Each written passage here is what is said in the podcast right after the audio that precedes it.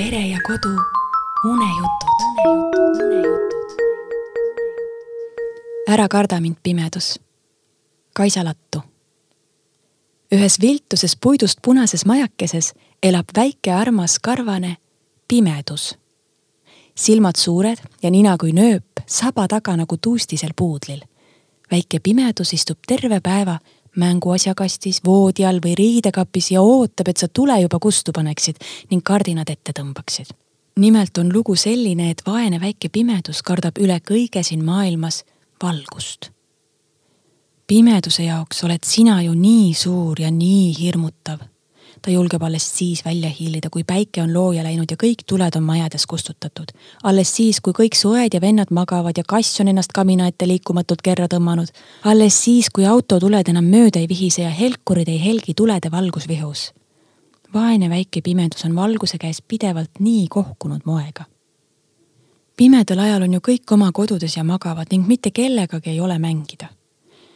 kui kõik magavad, on väga raske endale sõpru leida või mänguväljakul turnida või võileibu teha või jalutama minna, rääkimata kallistamisest ja lobisemisest.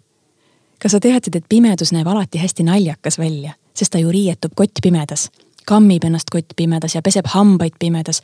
kõik riided on tal enamasti tagurpidi seljas ja vahepeal on püksid pluusi asemel. sokke kannab ta tihti kinnastena ja mütsi varba otsas ma vannun, et ükskord olid tal päriselt aluspüksid peas. pimedusel on palju lemmikloomi ja linde. must kass, must vares, nahkhiir, mullamutt, see suur must koer ja too must kodusiga ja mustikad. talle meeldivad väga mustikad oma sünnipäeva hommikul sööb pimedus alati šokolaadikooki, mis on seest šokolaadine, vahekihiks šokolaad ja kook on pealt kaetud šokolaadiga kaunistuseks šokolaadikommid. tordile küünlaid ta kindlasti kunagi ei pane, need on väga hirmsad. sest mitte miski pole ju hirmsam värelevast ja soojast valgusest. Pimedus ei julge mitte kunagi enne õuest tuppa tulla, kui kõik tuled on kustutatud. otse loomulikult ka televiisor ja kõik multikad on kinni. laelambid on kustutatud ja kiisusilmad ei hõõgu.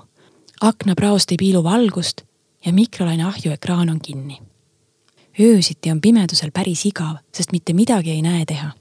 ükskord proovis pimedus minna keelgutama, aga nii pime oli, et ta sõitis otsejoones põõsasse.